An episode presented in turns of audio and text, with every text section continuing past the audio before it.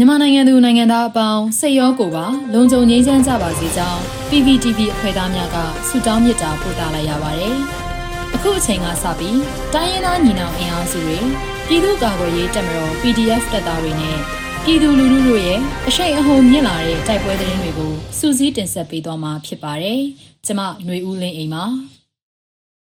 ပထမဆုံးတင်ဆက်ပေးမှာကတော့ကောလင်းတွင်စစ်ကောင်စီအင်အား100ခန့်ကိုနှစ်နေရာခွဲပြီးတပြိုင်နက်တည်းဝင်တိုက်လို့စစ်ကောင်စီဘက်မှ40ခန့်တိဆုံးတဲ့တဲ့မှာ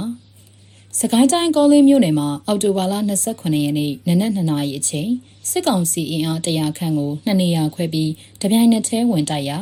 စစ်ကောင်စီဘက်မှ40ခန့်တိဆုံးနိုင်ကြောင်းအမျိုးသားညီညွတ်ရေးအစိုးရကာကွယ်ရေးဝန်ကြီးဌာနကသတင်းထုတ်ပြန်ပါတယ်။ အော်တိုဘာလ29ရက်နေ့နနက်2နာရီအချိန်ခန့်စကိုင်းတိုင်းကောလင်းမြို့နယ်အရှိဘချမ်းကြောက်ပြင်သာရွာနဲ့ကချင်ကုန်းရွာကြားရှိစစ်ကောင်စီတပ်သား20ခန့်နေရာယူထားတဲ့နေရာနဲ့နောက်ချန်စစ်ကောင်စီအင်အား80ခန့်နားနေတဲ့နေရာနှစ်ခုကိုကောလင်း PDF ကလက်နက်ကြီးများနဲ့တစ်ချိန်တည်းဝင်ရောက်ပစ်ခတ်နိုင်ခဲ့ကြောင်း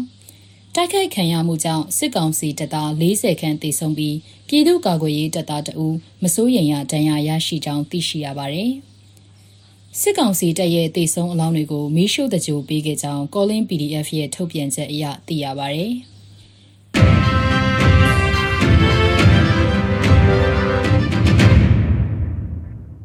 ဆက်လက်ပြီးရှမ်းပြည်နယ်မြောက်ပိုင်းရှိကိုကန့်ဒေသသို့လက်နက်ခဲယမ်းများတင်ဆောင်လာတဲ့စစ်ကောင်စီရင်နှန်းကို MNDAA မှကြားဖြတ်တိုက်ခိုက်လို့စစ်ကားနှစ်စီးပျက်စီးပြီးစစ်ကောင်စီတပ်သားအချို့တေဆုံးတဲ့တဲ့တင်ကိုတင်ဆက်ပေးပါမယ်။ ရှမ်းပြည်နယ်မြောက်ပိုင်းကိုကန့်လုံခံဟေးရှမ်းနဲ့မုံကိုဖောင်ဆိုင်ဒေသရှိစစ်ကောင်စီတပ်စခန်းများတွင်လက်နက်ခဲယမ်းဖြည့်တင်ရန်လာရှိုးမှတဆင့်တိန်နီတို့စစ်ကား48စီးဖြင့်ထွက်ခွာလာကြောင်း MNDAA မှဂျားဖြတ်တိုက်ခိုက်၍စစ်ကား2စီးပျက်စီးကစစ်ကောင်စီတပ်သားအချို့တေဆုံးကြောင်းသတင်းရရှိပါရယ်။ အော်တိုဘာလ25ရက်ညတကောင်ရန်အချိန်တွင်စစ်ကောင်စီလက်နက်ခဲယမ်းရိတ်ခါများတင်ဆောင်လာတဲ့စစ်ကားအစီးရေ20ကျော်ကိုကိုကန့် MNDAA ကကြားဖြတ်တိုက်ခိုက်ခဲ့ကြောင်း MNDAA တပ်ဖွဲ့မှ40မမစိန်ပြောင်းများစစ်တပ်များနဲ့ပြစ်ခတ်တိုက်ခိုက်ခဲ့ခြင်းကြောင့်စစ်ကောင်စီကားနစီပျက်စီးကစစ်ကောင်စီစစ်သားအချို့တိတ်ဆုံးကြောင်းကိုကန့်တရင်ရင်မြင့်ဓာတ်ကိုကန့်တွင်ရေးသားဖော်ပြထားပါတယ်။ အဆိုပါတိုက်ပွဲဟာမိနစ်20ကျော်ဖြစ်ပွားခဲ့ပြီးကိုကန့် MNDAA တပ်ဖွဲ့မှထိခိုက်ကြံရမရှိကြောင်းနဲ့စစ်ကောင်စီမှစစ်ကားများဟာအရှိန်ပြင်းပြင်းနဲ့မောင်းနှင်ထွက်ပြေးသွားကြောင်းသိရပါတယ်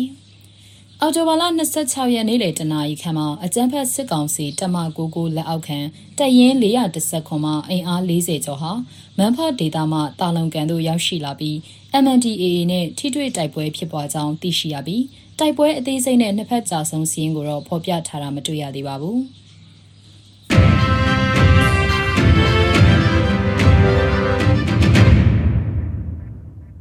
ဆက်လက်ပြီးကြိုက်ချုံမြို့နယ်အတွင်းစစ်ကောင်စီတပ်နဲ့ KNL တို့တိုက်ပွဲဖြစ်ပြီးစစ်ကောင်စီမှ၈ဦးသေဆုံး၅ဦးဒဏ်ရာရခဲ့တယ်လို့တင်စရက်ရှိစစ်ကောင်စီမိုင်းရှင်းလေးရေးတပ်သား၄ဦးမိုင်းစာထိမှန်သေဆုံးတဲ့တဲ့ရင်ကိုတင်ဆက်ပေးပါမယ်။ မွန်ပြည်နယ်ကြိုက်ချုံမြို့နယ်မိုးပေါင်းကျေးရွာနီးစစ်ရေးလှုပ်ရှားလာတဲ့စစ်ကောင်စီတပ်နဲ့ကရင်အမျိုးသားလွတ်မြောက်ရေးတပ်မတော် KNL တပ်မဟာ1တပ်ရင်း3တပ်ခွဲ1တပ်ဖွဲ့တို့အော်တိုဘာလ29ရက်နေ့နက်မှာထိတွေ့တိုက်ပွဲဖြစ်ပွားပြီးစစ်ကောင်စီဘက်မှ10ဦးသေဆုံးက9ဦးဒဏ်ရာရသွားကြောင်း KNU တပ်မဟာတစ်ထံမှသတင်းရရှိပါရယ်။အဆိုပါစစ်ကောင်စီအဖွဲ့ဝင်များဟာကြိုက်ထိုအခြေဆိုင်ခလာရ96မှဖြစ်ကြောင်း KNL တပ်မဟာတစ်အရာရှိတအူးမှရန်ကုန်ခေတ်သို့ပြောဆိုပါရယ်။ အလားတူကြိုက်ထုံမြို့နယ်တိန်စရက်မြို့တွင်လည်းအော်တိုဝါလာ29ရက်၌နယ်မြေမိုင်းရှင်းလင်းရေးလုပ်တဲ့စစ်ကောင်စီ BE တပ်မှတပ်သား၄ဦးတွေ့ရှိတဲ့မိုင်းတလုံးကိုဖောက်ကွဲဖျက်ဆီးရာမှမိုင်းစာထိမှန်ကတိတ်ဆုံးသွားကြောင်းကရင်သတင်းရင်းမြစ်တန်လွင် press တွင်ဖော်ပြထားပါတယ်။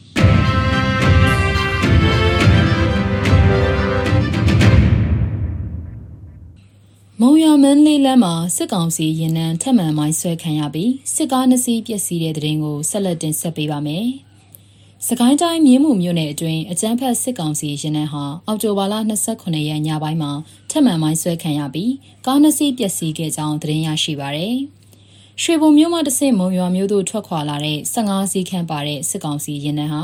စကိုင်းမြို့နယ်နက်ခရိုင်ရွာဝင်ကလေးကတနက်များပြစ်ဖောက်ကဖျက်တမ်းခဲ့ပြီးမြင်းမှုမြို့နယ်မြို့ရှောင်လမ်းမှာတစ်ချိန်ထီဆောင်ရွာအနီးမှာတစ်ချိန်မိုင်းဆွဲခံရပြီးစစ်ကားနှစ်စီးပျက်စီးသွားကြောင်း Ghost Team Ranger MMU နဲ့မြင်းမှု PDF တပ်ဖွဲ့များမှသတင်းထုတ်ပြန်ပါတယ်။ မုံရွာမြို့မှရွှေဘိုမြို့ဘက်သို့ထွက်ခွာလာတဲ့စစ်ကား73စီးပါစစ်ကောင်စီရှင်နှန်းအောင်မြင်းမှုမြို့နယ်အတွင်းမဟာမိတ်ပြည်သူ့ကာကွယ်ရေးတပ်ဖွဲ့ခုနှစ်ဖွဲ့မှအော်တိုဘာလ29ရက်နေ့နက်ပိုင်းမှာမိုင်း၃ချိန်ဆွဲတိုက်ခိုက်ခဲ့ပြီးစစ်ကား၃စီးပျက်စီးကစစ်ကောင်စီတပ်သား15ဦးခန့်သေဆုံးခဲ့ပြီးရွှေဘုံမှမုံရွာသို့ပြန်လာတဲ့စစ်ကောင်စီရှင်နှန်းဟာညပိုင်းမှာနှစ်ကြိမ်ထပ်မံမိုင်းဆွဲခံခဲ့ရခြင်းမှာ မုံရွာမြို့ရင်းမှာလည်းစစ်ကောင်စီတပ်ဆွဲထားတဲ့နေရာ၃နေရာကိုဒေသကာကွယ်ရေးပူးပေါင်းအဖွဲ့တွေကမိုင်းဆွဲတိုက်ခိုက်ခဲ့ပါသေးတယ်။